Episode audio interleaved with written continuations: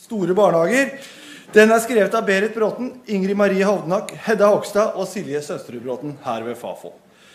Eh, prosjektet er gjort på oppdrag av eh, KS, er finansiert av KS på oppdrag av Oslo, Bergen, Trondheim, Stavanger og Kristiansand kommune.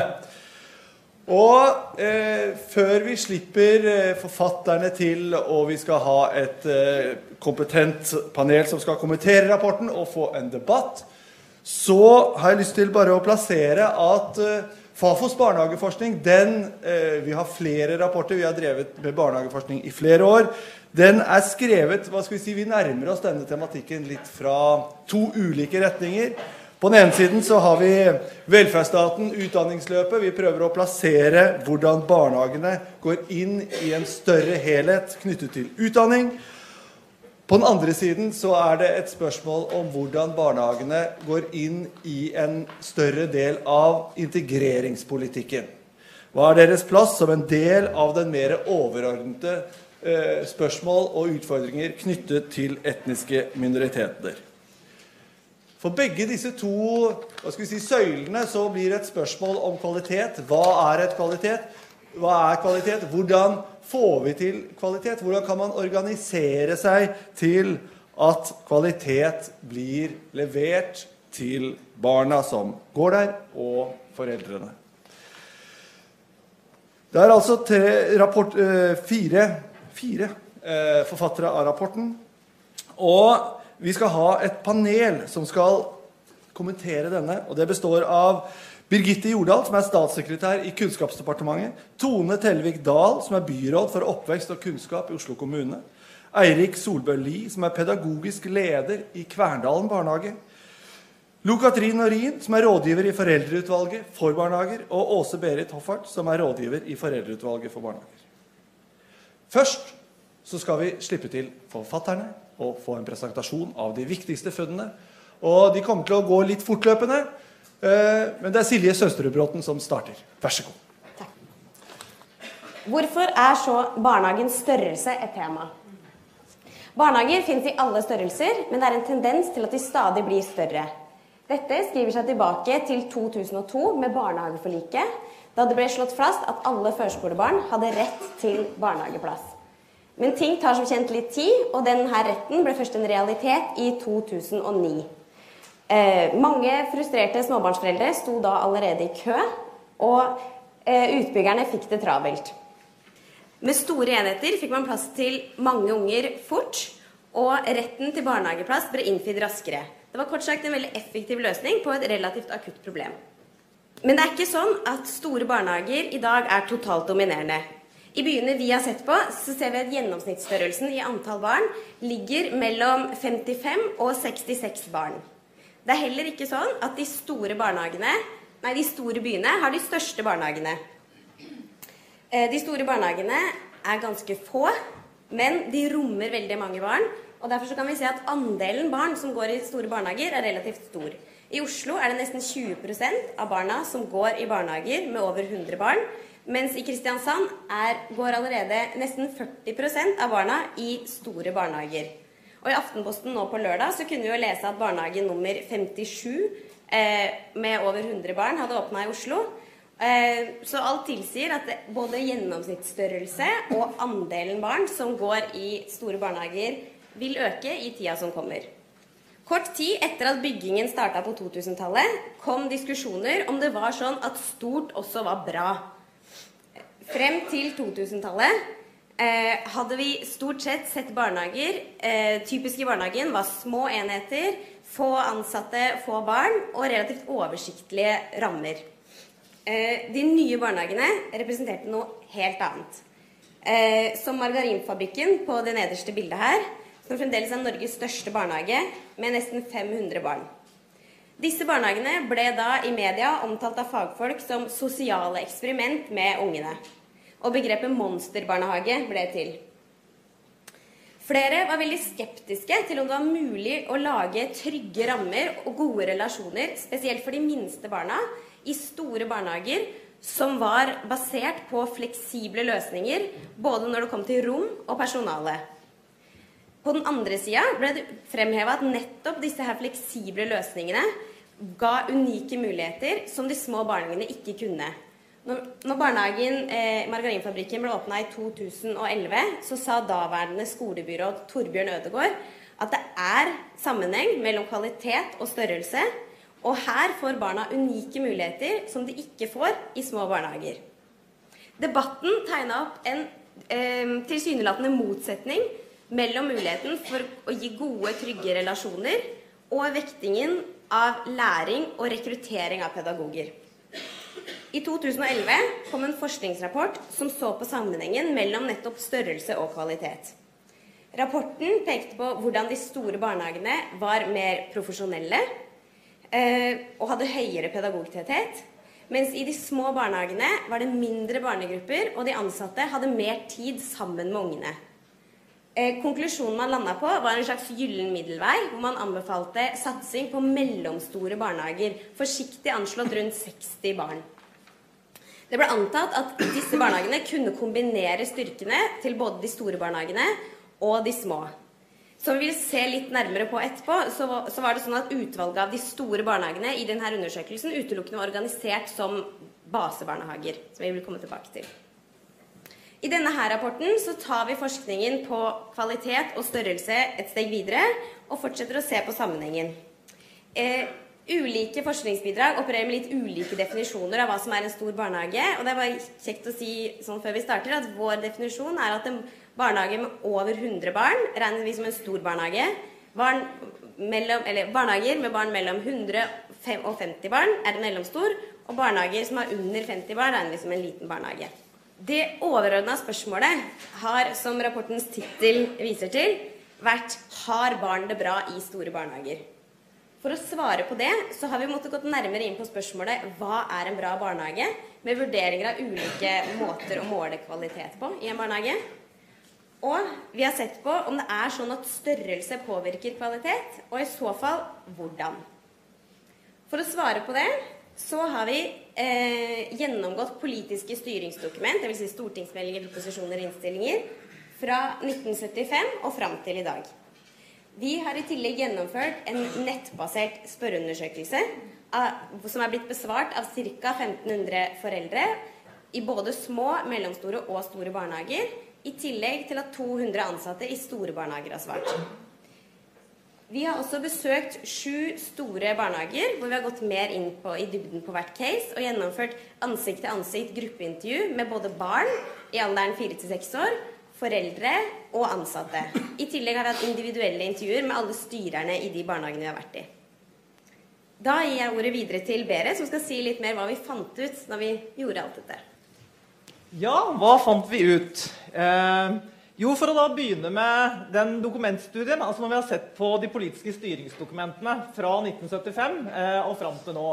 Og Politiske styringsdokumenter det definerer vi først og fremst da som stortingsmeldinger i denne sammenhengen. Hvorfor skal vi ha barnehager? Hvordan argumenterer eh, de stortingsmeldingene for det? Det er jo et viktig spørsmål. Eh, hvorfor har vi barnehagene? Eh, og eh, Norsk historieskrivning begynner som kjent som regel med etterkrigstida. altså 1945 pleier å være eh, startsted. Eh, og i 1945 så var det to begrunnelser til et barnehagetilbud som stort sett var frivillig. Det ene var at eh, det skulle eh, avhjelpe et sosialt problem, nemlig at enkelte mødre måtte jobbe. Eh, og når enkelte mødre måtte jobbe, så måtte barna tas vare på. Eh, og det kunne barnehagene besørge. Det andre var det pedagogiske, og der var det først og fremst eh, embetsstandens kvinner som eh, argumenterte for det. For de hadde vært utenlands og funnet ut at det å forberede barn på skolestart, det var lurt. det sosiale var nok det viktigste argumentet i 1945 for de aller fleste barnehagene som fantes. Når vi da kommer inn på 70-tallet, gjør et stort steg inn på 70-tallet, så er det eh, det her sosiale argumentet at barnehager skal kompensere ved mors fravær, som på 70-tallet hadde blitt eh, ekstremt mye hyppigere og vanligere, eh, som dominerte.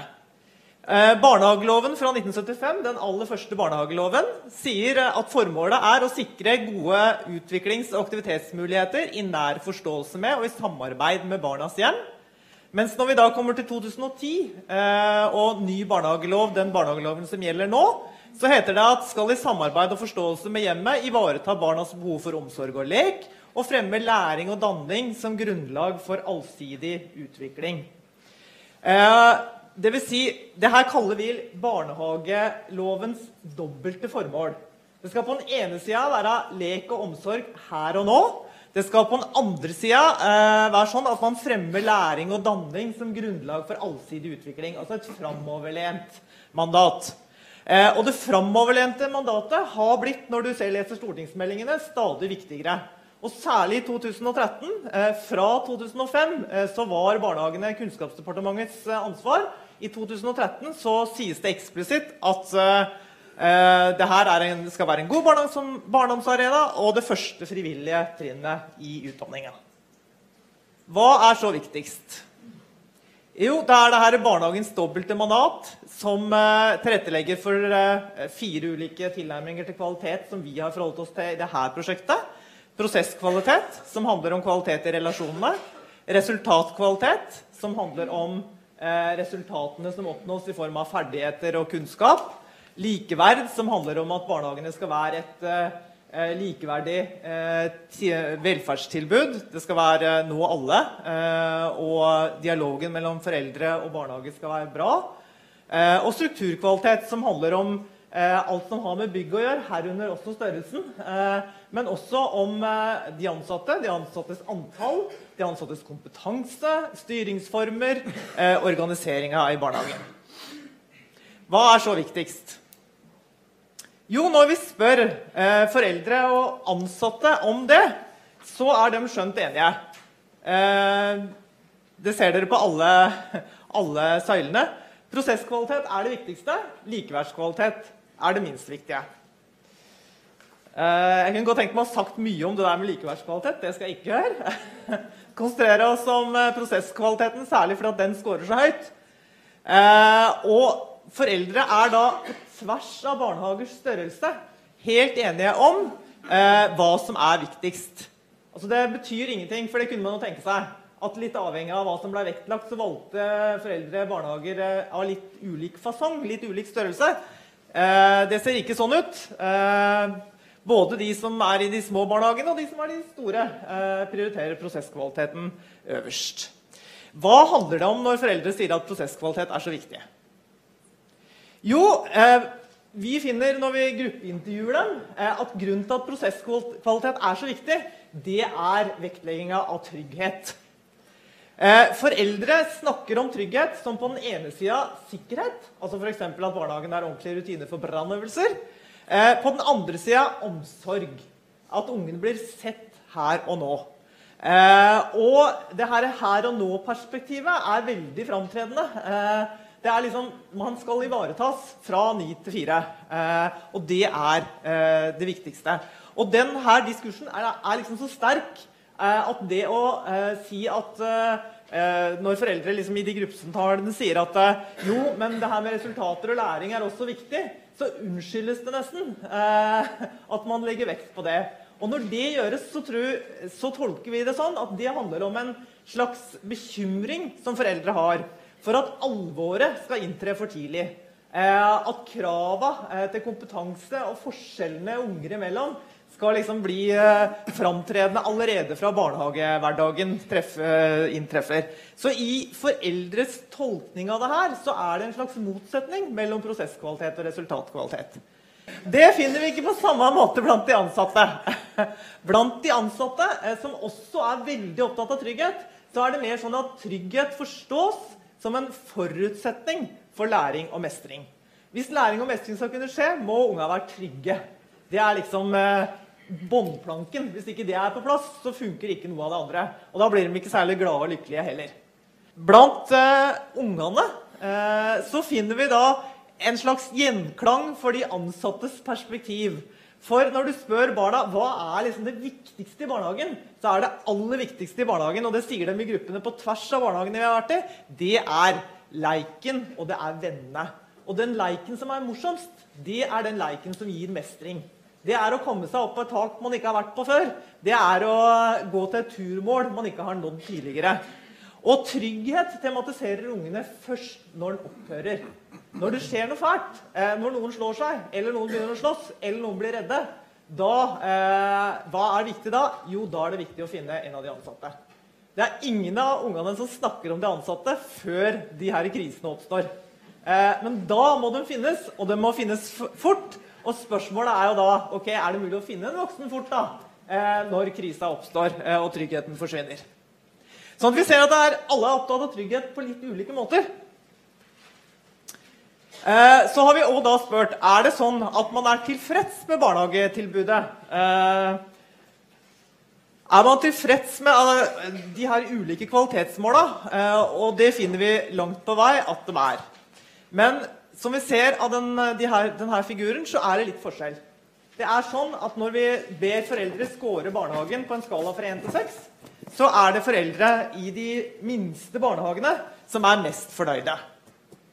Uh, men forskjellen går ikke mellom liksom, de minste og de største. Den går mellom de minste på den ene sida og de store og mellomstore på den andre. Og Det er et viktig poeng å ha med seg. Dessuten, og fordi om det der kan se ut som liksom en klar seier til de små barnehagene, så når vi går inn i datamaterialet vårt, så eh, tolker vi det ikke ensidig sånn. Fordi at det, eh, det nyanseres på to måter. Det nyanseres gjennom måten foreldre forstår trygghet på, som vi har vært litt inne på, som vi skal komme tilbake til. Og det nyanseres ved at en barnehages størrelse spiller sammen med alle andre strukturelle forhold, som organisering. Eh, men nå skal først eh, Hedda utdype litt grann det her med trygghetsaspektet. Ja. Oi. Ja, og jeg tenkte at eh, jeg skulle begynne med et eh, sitat fra en av foreldrene vi har intervjuet. Eh, og det er da en forelder eh, som som har hatt barn i små barnehager, men som da har meldt overgang. Men Berit, du er nødt til å gi opp den trykkeren til meg. Tusen hjertelig. eh, og dette er da en mor som sier Jeg har erfaring fra to ulike små barnehager fra 22 til 28 barn. Det var veldig fint som en stor familie. Eh, og det de ikke har klart her, altså underforstått i den store barnehagen, Eh, og det har de ikke klart her, selv om barna er veldig inkludert. De har ikke fått den samme tilhørigheten og det tette båndet de fikk der. Så jeg nok valgt Så jeg hadde nok valgt de to små, ja. Eh, det ble bare en helt annen Du kjente alle foreldrene og barna. Og i en liten barnehage så er på en måte det nære og familiære en gitt størrelse. Eh, men i en stor barnehage så må man eh, jobbe for eh, å få det til. Blant de fornøyde foreldrene i store barnehager vi har snakka med, så er det en gjennomgående tendens at de eh, framhever det at man på en måte har klart å organisere seg nærmest litt sånn vekk fra det store. At, man, at, at, at avdelingen oppleves som liten. Man opplever at man eh, har et lite antall voksne og et relativt lite antall barn å forholde seg til. Eh, sånn at eh, en, altså på en måte, det er en enhet, en mindre enhet, i den større enheten. Eh, noe som bringer oss videre eh, til det andre momentet som gjør at små barnehager ikke uten videre kan kåres til det beste. Eh, og det er nemlig at størrelse spiller eh, sammen med flere ting, som Berit var inne på. På den ene sida spiller størrelse sammen med organisering av barnehagen. Og på den andre sida spiller det sammen med ledelse. Alle de små barnehagene eh, vi i vår undersøkelse er avdelingsbarnehager. I de store og mellomstore barnehagene varierer eh, den interne organiseringa derimot. Eh, og hvis vi ser på denne figuren, så skal vi konsentrere oss da om foreldre med barn i store barnehager. Eh, og selv om alle foreldre er relativt fornøyde med, med barnehagetilbudet, så eh, er det som peker seg ut i figuren, at foreldre med barn i base, basebarnehager er noe mindre fornøyde. Mange av de nye store barnehagene ble jo nettopp bygget som basebarnehager. Og en oppgitt grunn eh, til det var at eh, basebarnehagene ga fleksibilitet både i forhold til selve bygget og den fysiske utforminga, men også i forhold til bruk av personale og ressurser. Eh, men hva er det da som kan være grunnen til det vi ser her? Nemlig eh, hva, være, hva, er det som er utfordringen med basebarnehagene? Eh, vi skal la en far eh, få eh, få, få svare på det. Em, han har hatt barnet sitt i en basebarnehage som, som da senere ble omorganisert til noe som lignet mer på en tradisjonell avdelingsbarnehage. Eh, og denne faren sier det skjedde stort sett ingenting etter klokka to. Da kom barna opp på fellesrommet, unge som var fullstendig utslått, og personalet ja, Inntrykket var at de satt i hver sin krok og drakk kaffe og ventet på at gongongen skulle gå. Og noen unger var helt apatiske. Ingen opplegg. Noen bråkte noe vanvittig, og hele gjengen inne i fellesrommet. Så jeg sa til kona dette her må vi bare få omgjort. Dette er jo gale, Mathias. Eh, flere foreldre har i gruppeintervjuene våre løftet fram denne type erfaringer. Baseorganisering trenger ikke alltid være feil, men når du får barnehager av en viss størrelse, krever det en fast organisering av barnegrupper, personale, rom, dags- og aktivitetsplaner. Samtidig er det mange plussfaktorer med store barnehager. Som bredde faglig, sterke fagmiljøer. Eh, Det skaper helt annen, andre muligheter for eh, det sosiale samværet mellom barna. Eh, Og det skaper muligheter til en veldig en måte, allsidighet i aktiviteter. Store basebarnehager kan også ha lekerom, vannrom, teatersaler, eh, forskningsrom. Eh, som lille Bamsebo neppe har på en måte plass og ressurser til å organisere. Eh, og eh, samtidig så er det da også at store barnehager eh, krever noe annet av ledelsen. Orden og oversikt, som er viktig i en barnehage, kommer ikke av seg selv. Det må organiseres. Den store barnehagen har helt andre typer leder, ledelsesutfordringer enn små barnehager, eh, der tilfellet typisk kan være at omgangsformen eh, blir eh, personlig, uformell, litt privat. Man blir veldig avhengig av enkeltpersoner, og strukturen kan sånn sett være sårbar. Eh, mens eh, i store barnehager så eh, er det andre utfordringer, og vi finner typ, særlig to. Det ene er en utfordring knytta til koordinering. Det å skape flyt og en viss grad av enhet i en organisasjon med veldig mange involverte barn og voksne. For det andre en utfordring knytta til styrets tilstedeværelse og oppfølging av de ansatte, men også barn og foreldre. Det er også da en tilstedeværelsesutfordring. Og vi finner at styret løser de utfordringene på litt ulike måter. Har ulike måte, eh, ja, strategier. Eh, For å ta koordineringsutfordringa først, så ser vi at noen styrere løser eh, det med eh, mer formalisering. Man innfører prosedyrer for på en måte å strømlinjeforme en uoversiktlig organisasjon. Så da blir på en måte formalisering og standardisering en måte å takle koordineringsutfordringene på. Andre går i en slags sånn motsatt retning, hvor man heller sette fokus på å forenkle. Eh, færre møter, enklere planarbeid eh, og færre målevalueringer. Og på en måte litt sånn kanskje mer desentralisert eh, struktur. Så er det da tilstedeværelsesutfordringen. Og noen, noen styrere ønsker å fortsette som før, sånn som de gjorde det da de på en måte var leder for en barnehage med, med 40 barn. Eh, en slags form for nærledelse.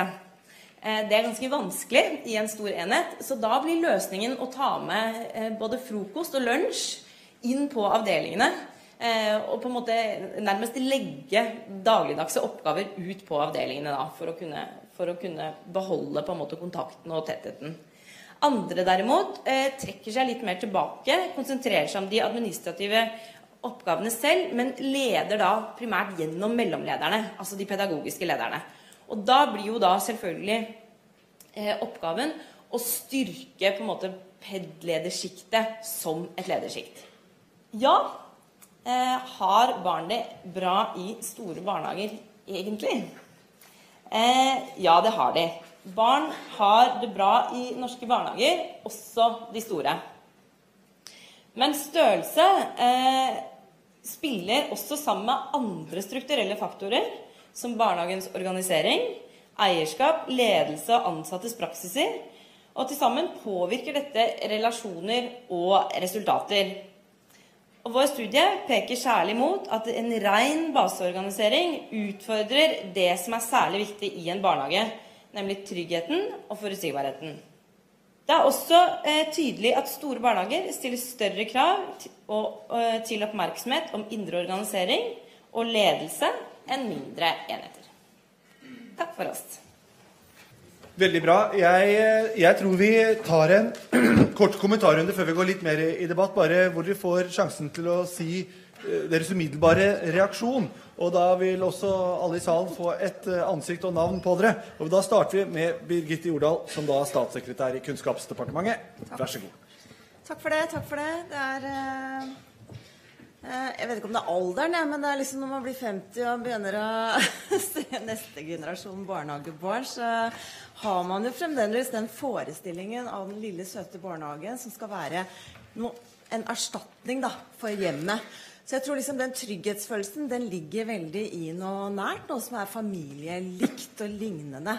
Når vi, når vi, snakker om det. Men det er jo ikke noe tvil om, som innledningsvis sa, at barnehagen den skal i dag være noe annet enn det vi eh, etablerte barnehage for for eh, mange mange, mange år siden. Eh, og Vi har alltid snakket om barnehagen som verktøyet til å drive integrering for mors arbeidsdeltakelse, for høy arbeidsdeltakelse. Eh, for at barn med særskilte utfordringer skal få et tilrettelagt tilbud.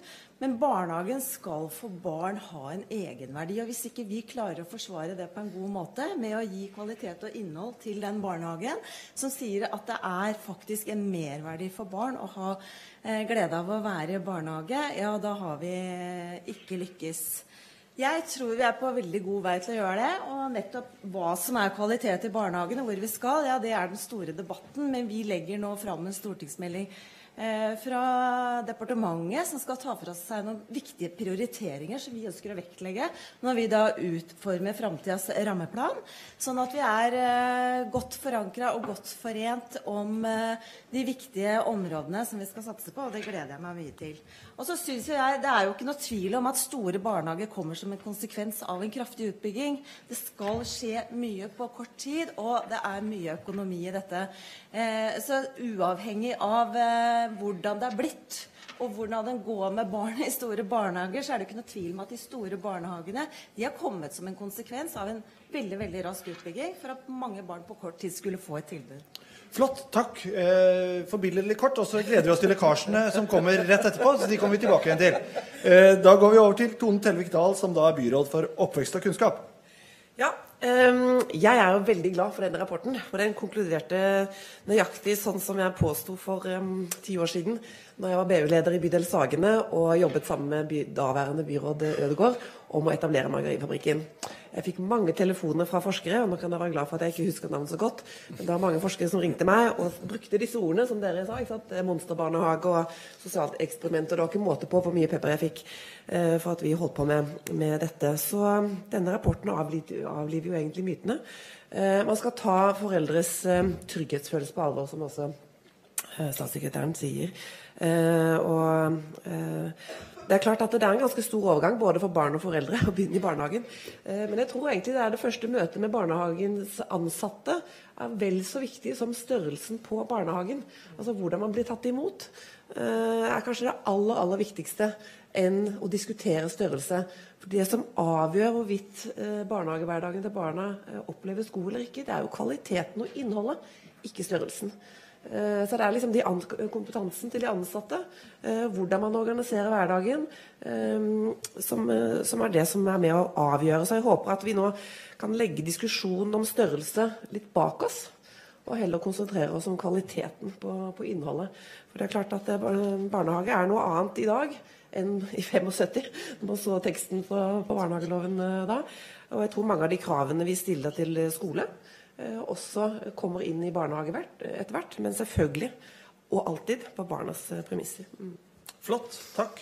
Eirik Solberg Lie, du eh, er jo leder for Kverndalen barnehage.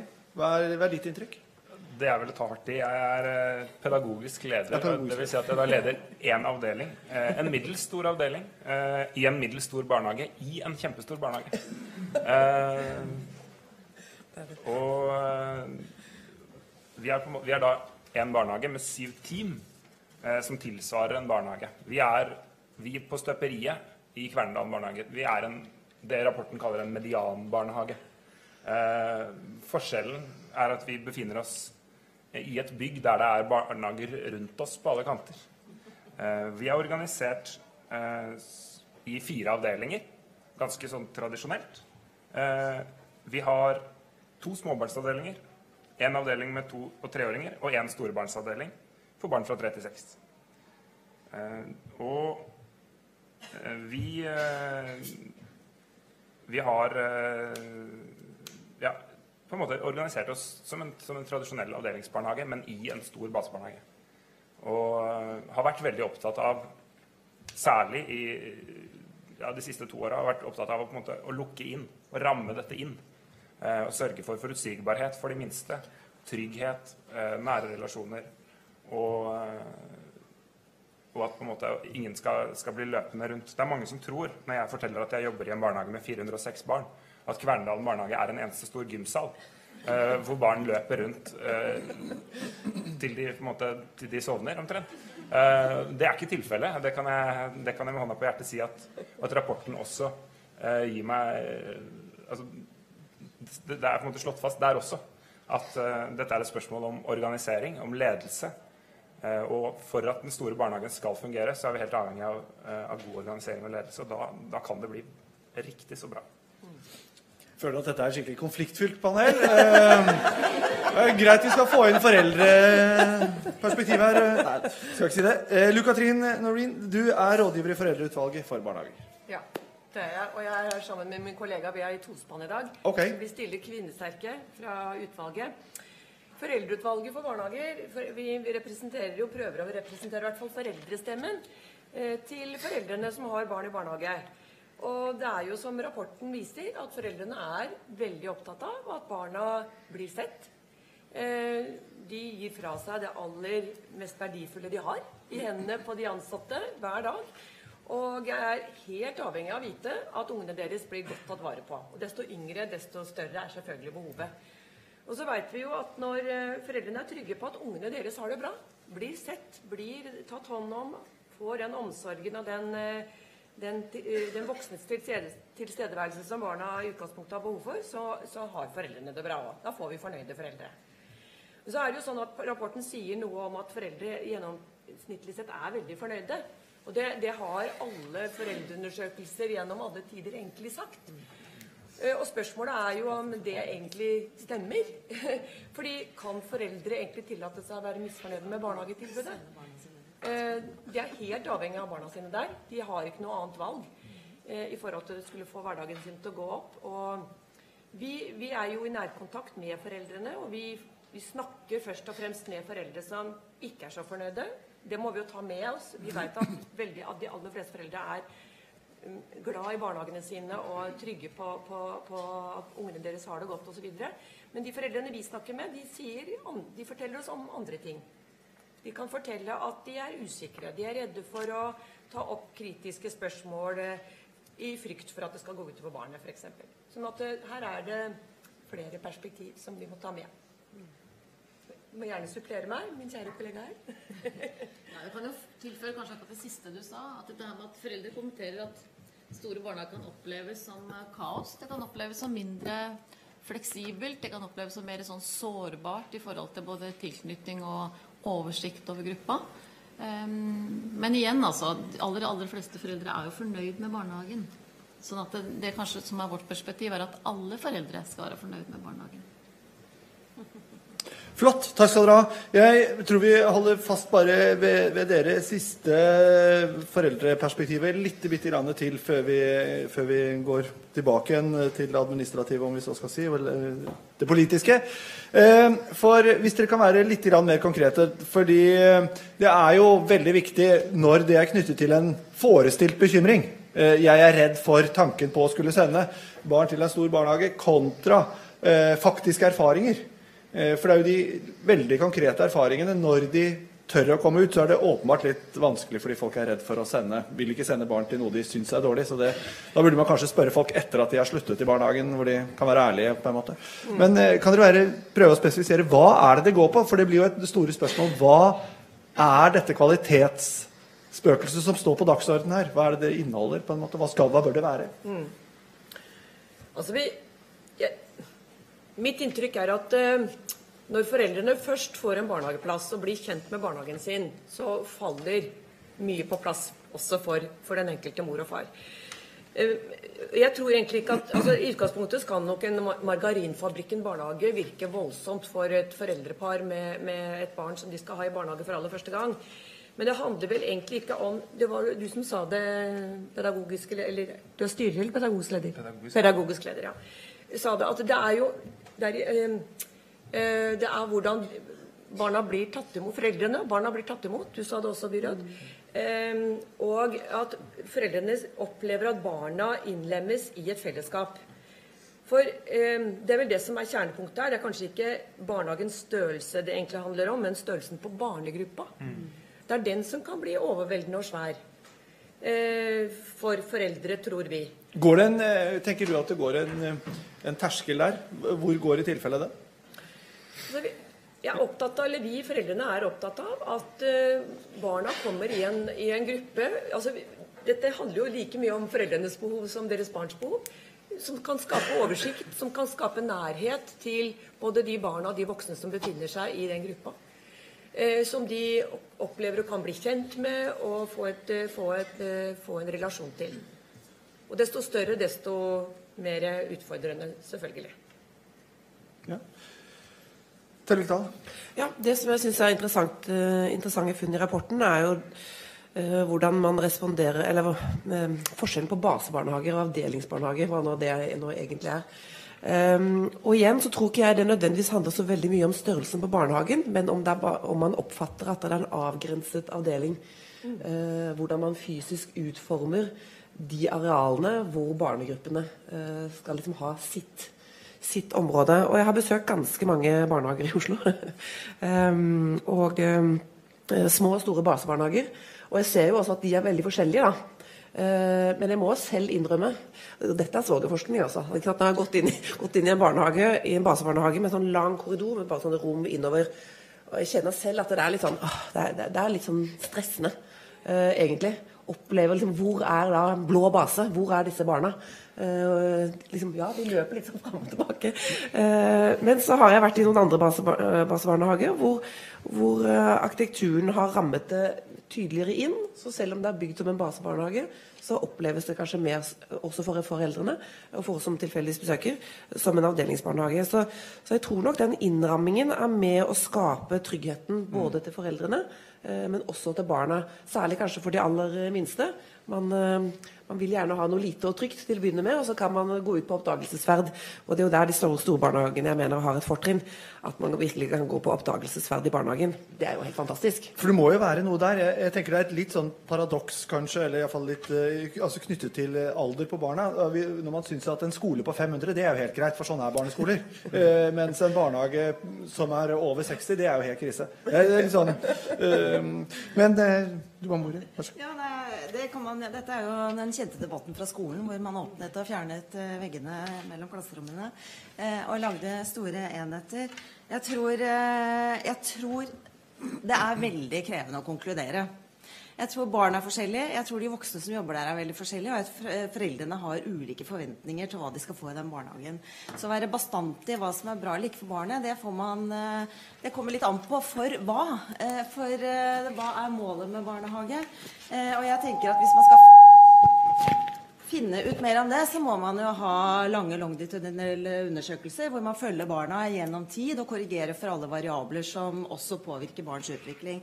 Og det er jo et litt større forskningsprosjekt enn det vi har her. Ja, men vi er klare, sånn. vi. Ja, det regner jeg med. Men det er jo ikke noe tvil om at godt foreldresamarbeid er utgangspunktet eh, for å få til ting. Altså, det er eh, Mitt parti og jeg har jo kjempet for foreldreretten i alle år for å få det med. Det står i formålsparagrafen det skal skje samarbeid. Dette er et frivillig tilbud for barn fordi foreldre er nødt til å få lov å og, og være med å definere hva som er en god omsorg og en god start for deres barn. Og da å få en god relasjon til de voksne, ja, det er utrolig viktig. Og jeg tror at i en større barnehage så kan man faktisk utvikle en profesjonalitet i det å møte foreldre på en god måte enn man kanskje kan i en mindre barnehage med et mindre faglig miljø.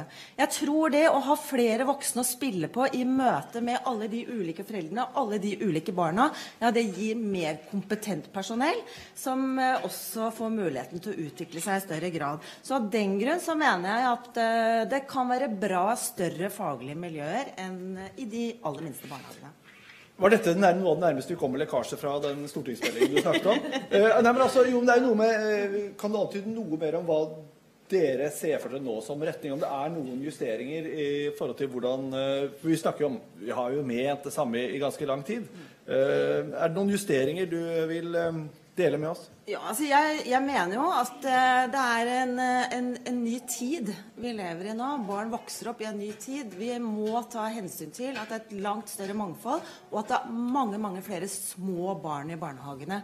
De aller minste barna de har kommet etter og måttet eh, involveres i den eh, pedagogikken og metodikken som kanskje har rådet for litt større barn. Jeg tror vi må ta på alvor at eh, mindre barn og det første møtet med små barn har med en barnehage, eh, er viktig.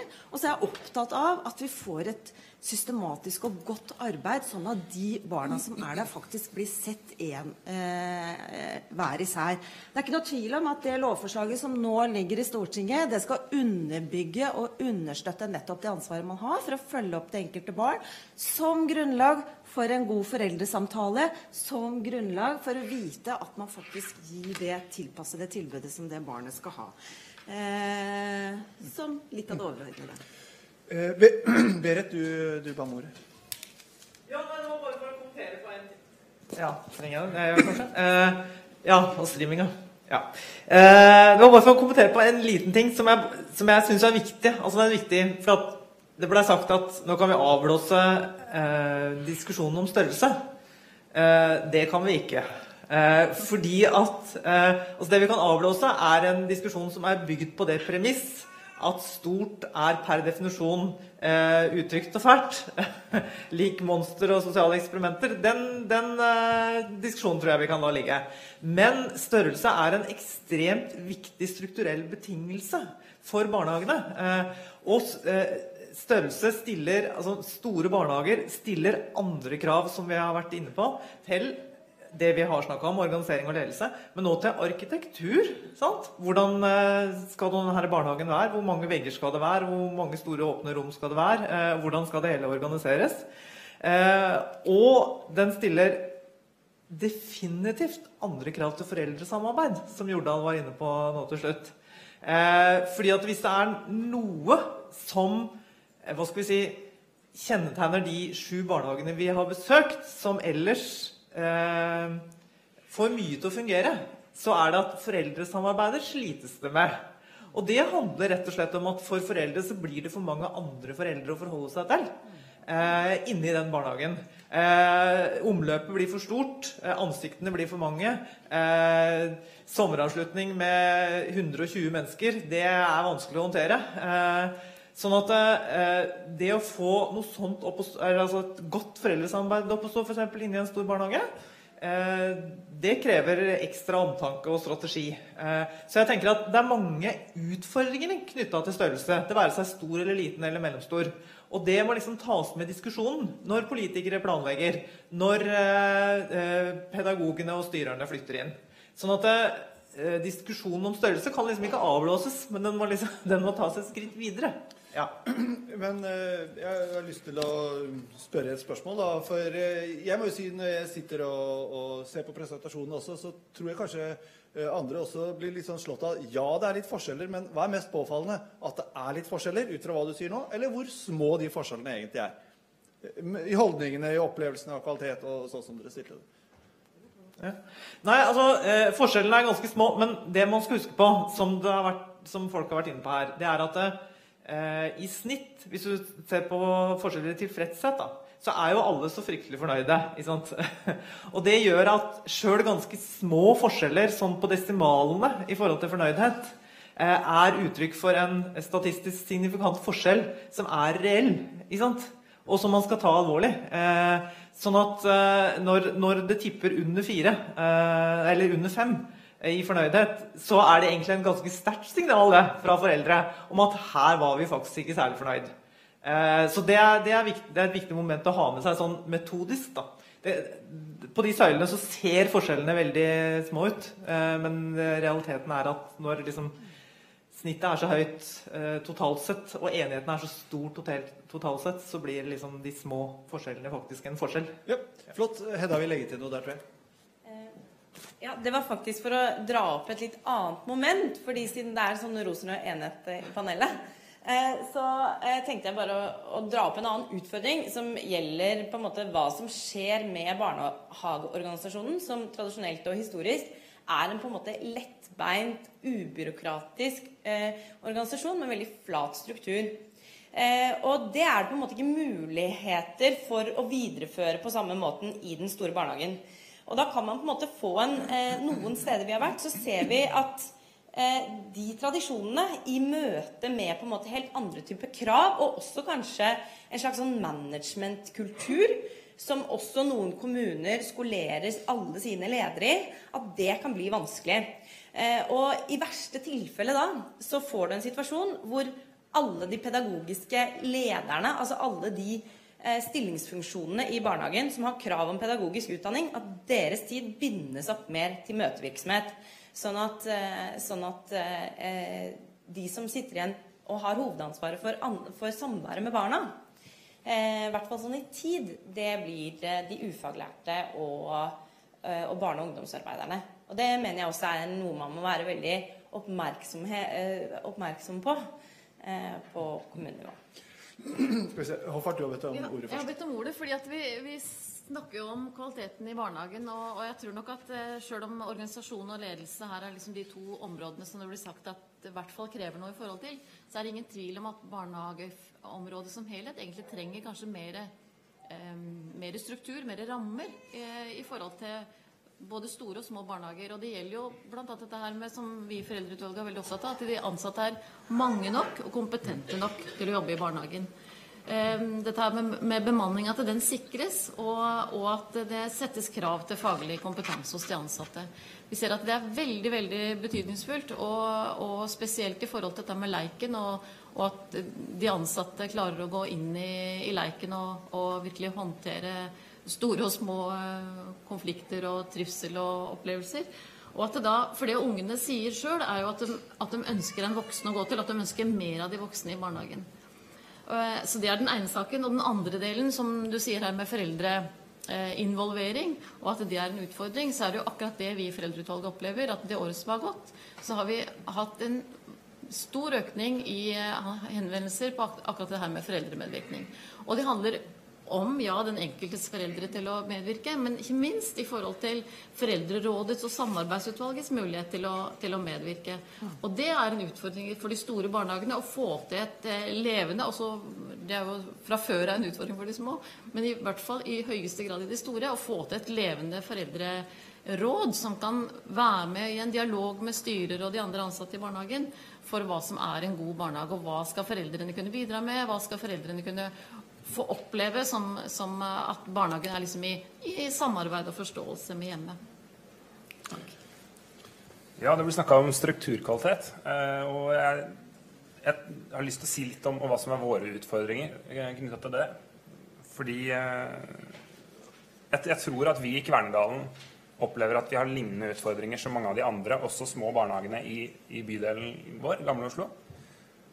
og jeg mener at det er helt avgjørende, sånn som også blir sagt, at vi, vi trenger gode, eh, kompetente og mange nok ledere. Eh, vi trenger teamledere, og vi trenger en, en enhetsleder, og vi trenger eh, nok pedagoger. Eh, vi i Kverndalen har nådd vår målsetning om å ha 50 pedagogtetthet. Eh, og det, det er, vi, er, vi, stolte av.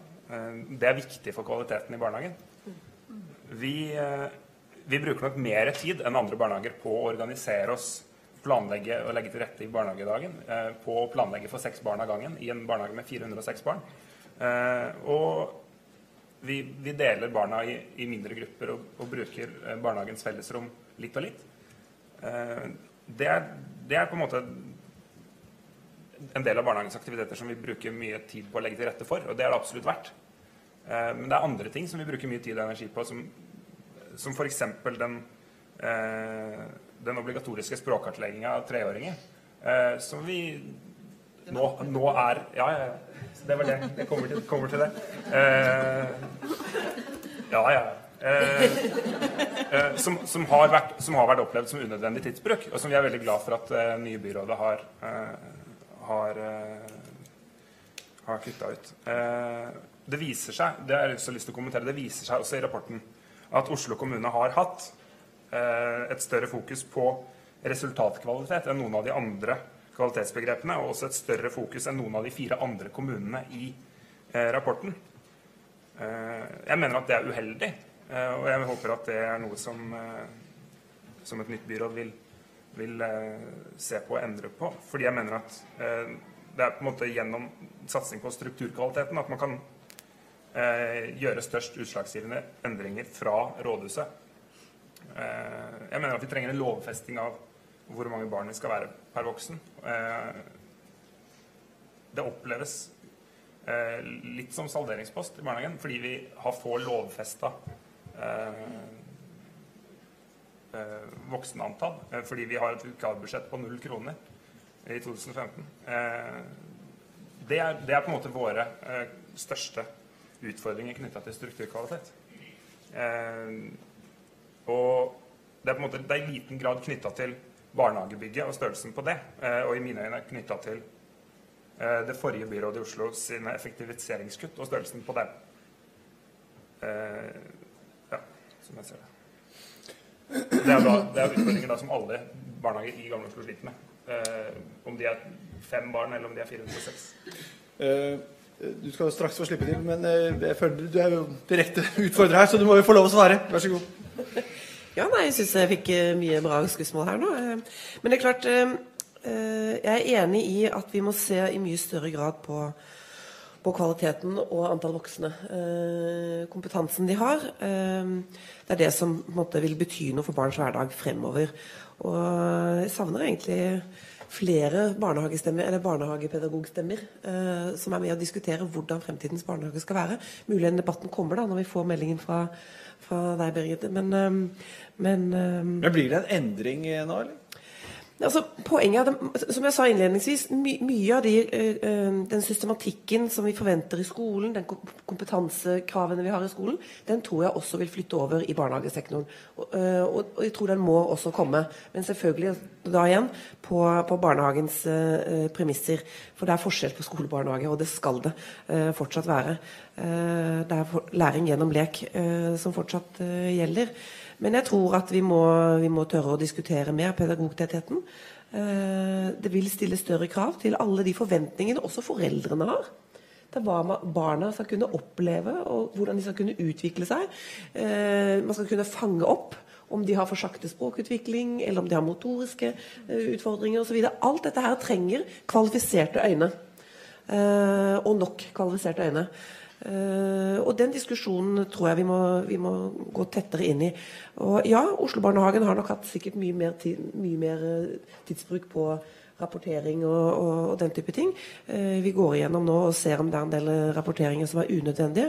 For det viktigste er at pedagogene bruker mest mulig tid på å sørge for at barn har, det, har god lek, god utvikling, lærer å få en venn og beholde en venn, og ja, utvikle demokratiske Eh, evner og i det hele tatt alt det fine som barnehagen er. Så, mm, så, jeg ser egentlig frem til den meldingen som kommer, og ser om vi kan begynne å diskutere kvalitet i barnehagen på en litt annen måte enn bare bemanningsnorm som sådan. Men det er helt klart, antall pedagoger er helt, helt avgjørende. Nordin, foreldreutvalget, er du beroliget? altså, vi, eh, Foreldreutvalget altså, vi er veldig opptatt av selvfølgelig innholdet i barnehagen. Kvaliteten på tilbudet. Eh, vi er opptatt av at det skal være nok ansatte, som det ble sagt her, sagt her i stad. Og higer etter å få på plass denne bemanningsnormen. 2020 ehm, ligger for langt fram i tid for oss, så vi ønsker sterkt å få den på plass. Eh, foreldreutvalget er kjempeglad i NOU 2012. hvordan igjen, den til beste for barnet. Det står veldig mye godt i den NOU-en. Blant annet så står det noe som er veldig grunnleggende, syns vi, i forhold til dette med, med størrelser, da. Og igjen, da handler det ikke primært om barnehagens størrelse, men gruppas størrelse. Hvor stor skal barnegruppene være? Og Hvis vi da tar utgangspunkt i hovedpersonen i barnehagen, nemlig barna, så er det noe med hva er barnas behov. Og vi tenker at eh, akkurat som alle andre folk har behov for, å, for, en tilhørighet til en gruppe, så har også små barn behov for å tilhøre en gruppe. Altså Rekk opp hånda her i salen, de av dere som har lyst til å jobbe i et kjempesvært konsern og ikke tilhøre en gruppe eller en avdeling. Bare flyte rundt som en av veldig mange. Jeg sier ikke at det er det som skjer i barnehagene, men, men, eller i andre barnehager, men alle barn tror, et, tror, vi har et grunnleggende behov for å tilhøre en gruppe.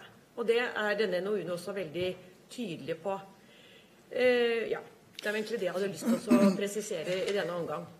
Og at gruppa må være en sånn karakter at ungene får oversikt. At det er mulighet for å, uh, for å danne vennskapsbånd, for å danne gode relasjoner mellom voksne og barn og barn-barn. Da kan det ikke bli for stort eller ufor, uforutsigbart. Altså.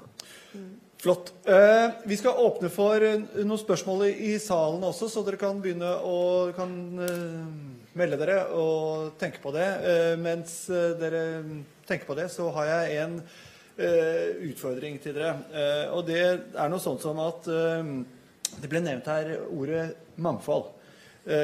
og du snakket om barnas behov. Mm.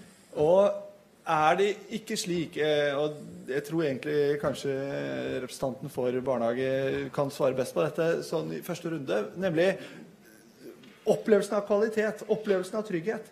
Blir det noe litt annet og litt mer komplekst når mangfoldet har blitt større? Eh, måten foreldre-barnehagesamarbeidet skal gå på, krever rett og slett kanskje litt mer.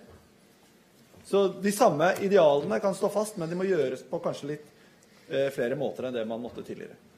Har du noen kommentarer til det? Ja, det er klart at eh, både ja, det er klart at altså, Barnas behov i barnehagen vil jo variere. Vil jo være individuelle. Eh, og, og, vår oppgave i, eh, i barnehagen er jo å, å, legge til rette for utvikling hos, eh, hos alle barn. Og, eh, og sånn, som, sånn, som, vi har altså, et eksempel er jo, eh, er jo, det som har vært mye nevnt, altså med små og store barn. Eh, hvordan, vi, hvordan, vi, er opptatt av å, å trygge de, de små. Eh, og lukke dørene og sette oss på gulvet og være der hvor de er. Og tilby små grupper. Men så er, det, så er det sikkert mange større barn som har andre behov. og, og hvor vi på en måte må organisere oss annerledes. Og, og, der tror jeg vi har fordeler eh, i store barnehager. Fordi vi, eh, vi har mulighet til å tilby, eh, tilby noe mer. Eh, fordi vi har mange mulighetsrom, fellesrom som vi disponerer. Eh, fordi vi har eh, mye Si noe helt konkret på noe mer dere kan tilby enn andre kan gjøre. mer enn antall rom. Hva, hva, konkret er det dere kan gjøre som andre ikke kan vi kan, vi kan se hvis vi ser at barn for eksempel, har behov for å bevege seg, være aktive, eh, løpe litt, eh, så kan vi ta dem med oss, og så kan vi gå i gymsalen. Og så kan vi gymme litt. og så kan vi, kan vi leke noen leker i, i gymsalen. Det er en, en, mulighet vi har. Ja. ja. flott. Spørsmål bak her. Si, si, hvem du er. Og ja, jeg er Ola Sorstøl, jeg er leder for Oppvekst, kultur- og nærmiljøkomiteen i bydel Gamle Oslo. Bare et spørsmål til forskerne her. Eh, ble forholdstallet som nå rådgiveren og foreldrene tok opp, forholdstallet mellom ansatte og, og barn, uansett hvordan man organiserer seg i forhold til de enkelte avdelingene, var det en del av kriteriene skråstrek variable i deres undersøkelse? Eh, det vi har gjort, da, det er at vi har eh, konsentrert oss liksom om eh, hovedorganiseringa inne i barnehagen. Eh, sånn at vi har spurt styrerne eh, i en spørreundersøkelse om hvordan de organiserer seg, eh, og hvordan de vil beskrive det. Og så har vi kategorisert det eh, i de her kategoriene som vi har med base eller tradisjonell avdeling, eller en mellomkategori, eller begge deler. Sånn at vi har ikke gått inn og telt eh, gruppestørrelse, nei. Det har vi ikke gjort. Eh, og Det er et viktig moment å ha med seg det. Eh, men det var noen sånne valg må du gjøre eh, for å kunne gjennomføre en undersøkelse. Og da hadde det nok blitt Ja, vi kunne gjort det. Vi har ikke gjort det. Ja, jeg heter Randi Evenstad og jobber på barnehagelærerutdanningen.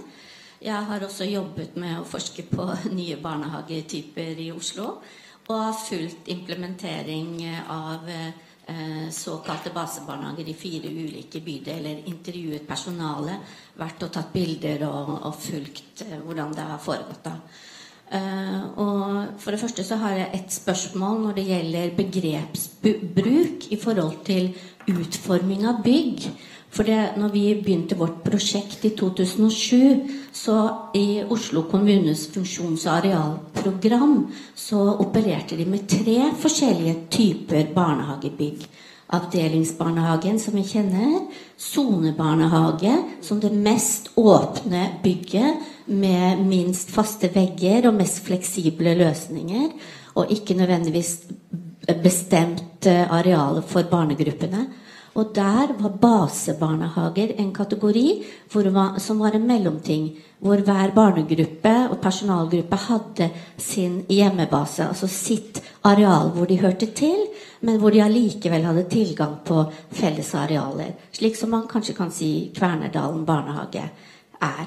Uh, og jeg syns at det virker som den, det skillet har blitt helt borte for det er veldig stor forskjell på bygg som har eh, bestemte rom til bestemte barnegrupper med fast personale, og grupper hvor eh, man flyter rundt i mye mer løsere organisering. Det er det ene. Så jeg savner de begrepene.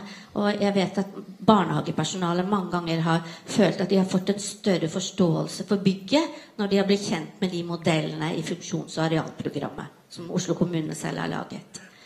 Eh, det er det ene. Det andre er jo personalet. Eh, det vi har sett, er at personalgruppene har fått tildelt helt ukjente typologier av bygg, base- eller sonebarnehager. De har ikke skjønt hvordan de kan brukes, eller hva har vært hensikten eh, eller målene med de nye byggene. De har sittet på møter og klødd seg i hodet og spurt vet du hva en basebarnehage er. Nei. Vet du hva en sonebasebarnehage er? Nei, det vet vi ikke. Vi aner ikke. Da får vi finne på noe. Og så får man sånne håpløse situasjoner som det ble referert til her, med en far som refererer den slutten av dagen. Det er gale, Mathias. Men det handler om hvordan man tar bygget i bruk. Jeg er helt sikker på at man kunne organisert seg på helt andre måter i det bygget òg. Jeg har begynt å jobbe med tverrfaglig veiledning sammen med arkitekter og prøve å hjelpe personalet til å forstå de byggene de har fått. Og da ser jeg at de klarer å ta i bruk det nye bygget eh, på helt nye måter. Så jeg tenker hvis man skal ha nye typer bygg, så må man ikke glemme personalets kompetanse. At de skal få mulighet til å forstå det nye bygget, analysere og se utfordringer og muligheter der. Og nå står det mange bygg rundt om i byen her, og folk, personalet sliter med organisering. De sier at bygget jobber mot oss. Det må være viktig nå å satse på personalet, sånn at de kan få anledning til å ta bygget i bruk på gode måter for barn og voksne, og få klare å jobbe på parti og sammen med byggene. Og så må man selvfølgelig fortsette å diskutere hvordan man skal utforme gode barnehagebygg. Ja. Det var kanskje mer et innlegg enn spørsmål, men jeg etterlyser de begrepene. For det tror jeg faktisk er ganske viktig til å rydde opp i forståelsen av byggene. Å skille mellom base, sone og avdelingsbarnehage. Så det kan man kanskje ta opp igjen, de modellene. Takk for meg. Takk. Eh, jeg tror eh, vi begynner å nærme oss der hvor vi skal ta rett og slett en eh, sluttkommentar, og så kan dere reflektere inn spørsmålet der. Starter herfra. For det. Eh, det er alltid morsomt å komme til Fafo og få litt eh, nye, nye, tanker og ideer om dette. Det jo, når man sitter og hører litt, så, så er det jo alltid alle enige om at vi skal ha nok ansatte med god kompetanse. Eh, og så er det jo som nasjonale myndigheter alltid et tak på hvor mye ressurser som skal inn. Og det er det også når man sitter og forvalter kommuneøkonomien. Eh, og da er det jo viktig at man er eh, god til å bruke de ressursene der de trengs mest. Eh, og for å vurdere det, så må du faktisk også se hva er det ressursene skal brukes til, og hvor er det bruk av de ressursene faktisk gir det utbyttet som vi trenger. Og jeg synes Det er ganske stor forskjell på hvordan man bruker ressurser. Om store barnehager er mer ressurskrevende i form av økt administrasjon og byråkrati og planleggingstid og den type ting, eller om det gir en effektivisering fordi det er større fleksibilitet. Du kan bruke personalet ditt på en annen måte i større barnehager. Så å konkludere med barne, store barnehager eller små barnehager er, eh, er betinget av normer på satser på ressurser, det er veldig krevende etter denne debatten. Eh, men jeg syns allikevel at eh, Eh, altså, mitt utgangspunkt er at det er viktig at det er fleksibilitet. Det skal være eh, god bemanning. Vi har god bemanning i Norge hvis vi sammenligner oss eh, med andre nordiske land. Men vi har lavere pedagogtetthet enn bl.a. Eh, Sverige og Danmark. Og det eh, er noe vi må se nærmere på. Men i det store debatten så er det også hvordan bruker vi ressursene våre. Da er det interessant å følge videre om det er små og store barnehager, mellombarnehager, hvordan vi organiserer barnehagene, som gir den beste ressursbruken på personalet. Ja, eh, nå skal jo Oslo kommune begynne å bygge kommunale barnehager igjen, da. Eh, og det er jo fint. Eh, og vi kommer til å bygge både små, mellomstore og store barnehager. Vi kommer ikke til å bygge noe særlig basebarnehager. Eh, vi er opptatt av strukturen. Eh, men uavhengig av størrelse på barnehagen, så, er det viktig med ledelse i barnehagen. Eh, og kompetansen til den enkelte ansatte. Så det er klart det å styrke styrerollen, kurse dem, gi dem gi dem eh, de verktøyene de trenger for å, å lede den nye type barnehage som vi egentlig er i ferd med nå å være, se, se, utviklingen av. Det, det blir viktig for, eh, for, dette byrådet fremover. Så syns jeg det er eh, positivt at det er andre ting enn antall barn innenfor barnehagens vegger som eh, er det som betyr noe for det enkelte barn. Det er hvordan vi innretter eh, de voksnes aktiviteter, kompetansen deres og styringen som er det avgjørende. Og det lover jeg at jeg skal følge opp, eh, særlig i de barnehagene vi skal bygge som er litt store, men også i de små. Ja, jeg tenker at, at i Kverndal barnehage, i de syv barnehagene som er i Kverndal barnehage, så vil du finne syv grader av organisering eh, mellom avdeling og, og basebarnehage. Og det, det, vil endre seg litt, litt underveis. Og, og, det er jeg veldig glad for å få, få, være med og observere og få se litt hvordan andre, andre organiserer seg. Vi, har, eh, vi, er så heldige at vi har en barnehage som er tegna som barnehage. Eh, og, og, det gir oss, eh, gir oss, gode muligheter. Eh, jeg mener at, at det teamlederantallet som vi har hos oss Vi har, vi har nok teamledere. Det er viktig for å sikre kvalitetssikring i barnehagen. Det er viktig, et viktig premiss for oss. Og eh, jeg er opptatt av at vi som stor barnehage eh, må ha de samme rettighetene til, eh, til vikarer. Altså vi må ha de samme eh, eh, ja, de, de, samme folka inn. Vi må ha de samme kravene til pedagogtetthet selv om vi er en stor barnehage, og selv om vi kan eh, flytte på personalet og organisere oss mer dynamisk, kall det det. Jeg er glad for at, at Fafo har skrevet en, en, god rapport som jeg kjenner meg igjen i. Som, hvor mange av de utfordringene vi har hatt, mye av det vi jobber med, jobber med å bli bedre på, er, er, er behandla og er, er, skrevet om. Så, så, takk for det. Takk for meg. Ja, Vi takker òg veldig for rapporten. Vi syns det er på tide å få en rapport som sier noe om hvordan det faktisk er. Og hvordan foreldrene bl.a. opplever å ha barn i store barnehager. Men jeg tror òg det er viktig å se, eh, se dette her som en sånn begynnelse på å gå videre og se nærmere på, på det som kommer fram i rapporten. Um, og legge det også sammen med annen forskning. For eksempel, eh, så sier forskning noe om dette med materielltilgangen i barnehagen. At den er, er, viktig å satse mer på. Og, og vi vet også at noen barn opplever mistrivsel i barnehagen, og det er viktig å se nærmere på. Sånn at en også kan kanskje gå nærmere inn på en del andre sider ved kvaliteten. altså sånn som innholdskvaliteten, og ikke minst kvaliteten på samspillet i barnehagen. Og se, at, eh, ja, og se hvordan er det i, i, eh, i, også i store barnehager. Da. Men også i barnehager generelt. Ellers så tror vi at eh, det er viktig framover å ta med foreldrene i den diskusjonen som er i den enkelte barnehage. Ikke minst på hvordan organiseringa i barnehagen er. At få med foreldrene opp på de, de, tankene og de diskusjonene som skjer med hva som er bra, og hvordan det enkelte barn kan sikres å bli, å bli sett og hørt og, og være med på det som faktisk får et godt samspill og dialog i barnehagen. For det må kunne håndteres. Eh, en stor, stor barnehage med mange rom, ulike funksjoner. Det krever mye av driften. Så det krever ressurser i forhold til drift kanskje på en mer utfordrende måte enn det som har vært tidligere i barnehagen med veldig sånne enkle bygg. Og så krever det at, eh, at personalet må kunne håndtere eh, all den fleksibiliteten og åpenheten, og det krever kompetanse. Så det var vår kommentar. Mhm. Vil du legge til noe kort? Jeg syns kollegaen min har sagt det vi egentlig har på hjertet. Men helt til slutt kan bare eh, Til rapporten så sier rapporten at eh, basebarnehagene kommer dårligst ut eh, både blant foreldre og ansatte.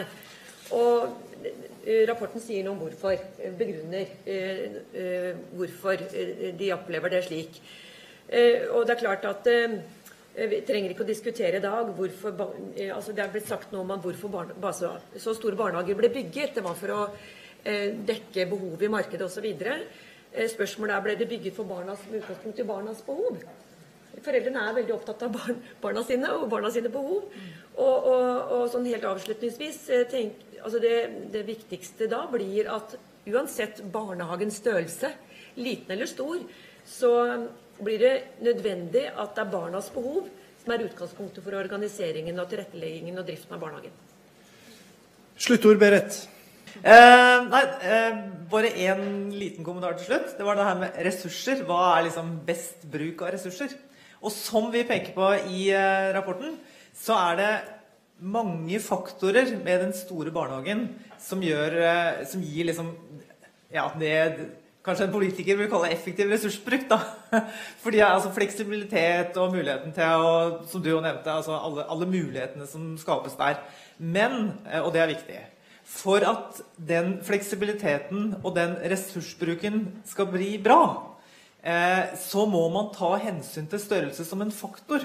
Eh, og det må man gjøre når man organiserer, når man leder, når man får opp foreldresamarbeid, når man bygger. På alle de faktorene. Eh, hvis man gjør det, så blir det veldig bra på alle måter. kan bli. Eh, men hvis man ikke gjør det, hvis man tenker at ok, her har vi en stor barnehage, den driver vi omtrent sånn som eh, vi har drevet en mellomstor eller liten, da går det ikke så bra. Sånn at eh, Det er vel kanskje det viktigste budskapet. At størrelse er en faktor som stiller krav til hvordan man gjør det. Takk. Veldig bra på alle måter.